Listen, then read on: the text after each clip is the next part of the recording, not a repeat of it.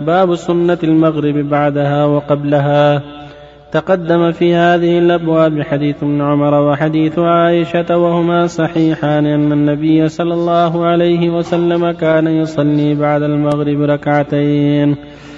وعن عبد الله بن مغفل رضي الله عنه عن النبي صلى الله عليه وسلم قال صلوا قبل المغرب قال في الثالثة لمن شاء رواه البخاري. وعن انس رضي الله عنه قال لقد رأيت كبار أصحاب رسول الله صلى الله عليه وسلم يبتدرون السواري عند المغرب. رواه البخاري. وعنه رضي الله عنه قال كنا نصلي على عهد رسول الله صلى الله عليه وسلم ركعتين بعد غروب الشمس قبل المغرب.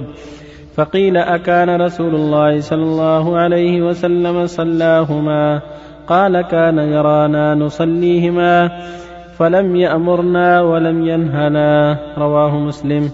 وعنه رضي الله عنه قال كنا بالمدينة فإذا أذن المؤذن لصلاة المغرب ابتدروا السواري فركعوا ركعتين حتى إن الرجل الغريب ليدخل المسجد فيحسب أن الصلاة قد صليت من كثرة من يصليهما رواه مسلم. صلى الله عليه وسلم بسم الله الرحمن الرحيم. الحمد لله. صلى الله وسلم على رسول الله وعلى آله وأصحابه. أما بعد هذه الأحاديث كلها تدل على شرعية ركعتين قبل المغرب وركعتين بعدها. أما بعدها فسنة راتبه كان النبي صلى الله عليه وسلم يصلي ركعتين بعد المغرب. دائما راتبة. إلا في السفر فكان يدعها في السفر. كما كان يدع سنة الظهر والعشاء كذلك. وإنما يحافظ في السفر على سنة الفجر مع الوتر والتهجد في الليل. وأما في الحضر فكان يصلي بعد المغرب ركعتين في بيته. وكان أيضا يحث على الصلاة قبل المغرب. ويقول صلى الله عليه وسلم صلوا قبل المغرب صلوا قبل المغرب. ثم قال في الثالث لمن شاء. لئلا يظنوا أنها واجبة. قال لمن شاء ليعلموا أنها سنة غير واجبة. كان الصحابة رضي الله عنهم إذا أذن المغرب صلوا ركعتين بعد الغروب قبل الصلاة. فدل ذلك على شرعية الركعتين الصلاة بعد غروب الشمس إذا أذن وهو جالس في المسجد يستحب له أن يقوم فيأتي بركعتين. وإن كان داخل بعد الأذان صلى ركعتين سنة التحية تحية المسجد. أما بعدها فسنة راتبة اثنتان وإن صلى أكثر صلى أربعة أو ستة أو عشرة أو أكثر فلا فلا بأس. كل ما بين العشاءين محل صلاة ومحل تعبد. وهكذا بعد العشاء إلى الفجر كله محل تعبد. لكن السنة الراتبة ركعتان بعد المغرب وراتبة بعد العشاء ركعتان كذلك. ويصاب بين الأذانين أن يصلي ما تيسر.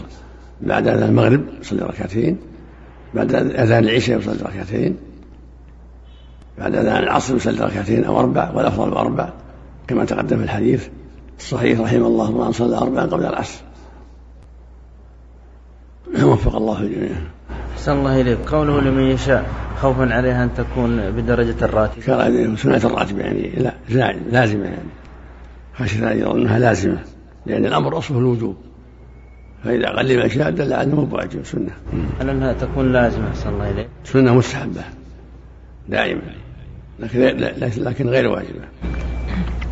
أحسن الله إليك ابتدار الصحابة للسواري اتخاذها سترة سترة نعم هل يدل على وجوب السترة؟ لا وسنة. سنة مؤكدة. لأن ثبت عن النبي صلى الله عليه وسلم صلى في بعض الأحيان إلى غير سترة.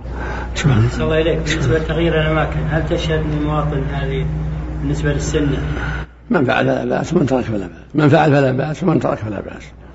من مشى عن مكان شبه فلا بأس ومن صلى في مكانه فلا بأس. الأمر واسع في حديث ضعيف. نعم. الله فيك.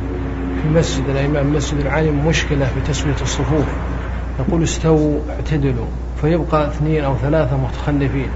فإذا قلنا استووا فبعد الفجر اليوم وأمس العصر قالوا لا أنت ما لك حق تقول استووا اعتدلوا سواء استوينا أم نستوينا لا الإمام يلاحظهم حتى ولو بيده يمس مناكبهم الإمام يلاحظهم.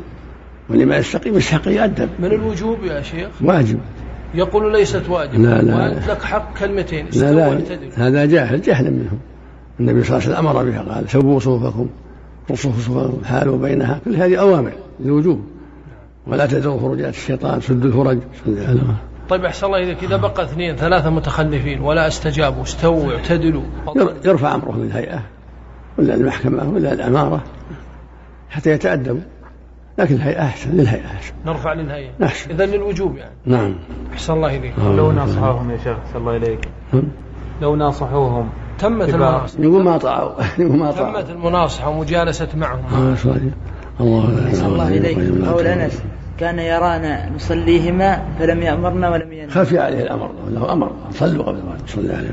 وسلم خفي على أنس. حديث عبد الله مغفر خفي على أنس. الله نعم لا. الله لا إله إلا هو قدام المسجد هل يقصر أو يصلي مع الجماعة؟ كان واحد يصلي مع الجماعة أربعة. لا يت... لا يكسر إلا إذا كان مع أخويه اثنين فأكثر هم؟ وإذا كان واحد لا يصلي مع الناس. الجماعة واجبة. يصلي معهم ويتم. لا شريك الله لا الله إله إلا إذا لا سنة بقي مثلا على دخول المدينة مثلا أي مدينة؟ بقي نصف ساعة أو ربع ساعة على الأذان. هل مثلا يصلي المغرب والعشاء؟ يعني مثلا يجمعهم؟ لا هو يجمع ما دام قد له يجمع المغرب والعشاء والظهر والعصر. إذا كان قد دخل وقت الظهر ووقت المغرب وصلى في الطريق لا بأس. ويمضي على البلد. وإذا دخل البلد يعرف إنه لأنه قد قد يشتغل. إذا دخل قد يعني يكون تعبان قد يشتغل.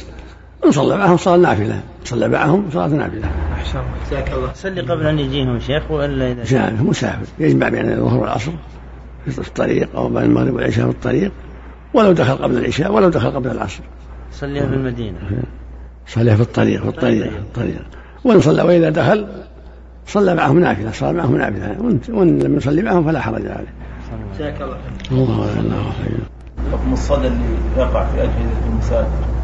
إذا كان يؤذي يعني يشوش على الناس يزيلونه.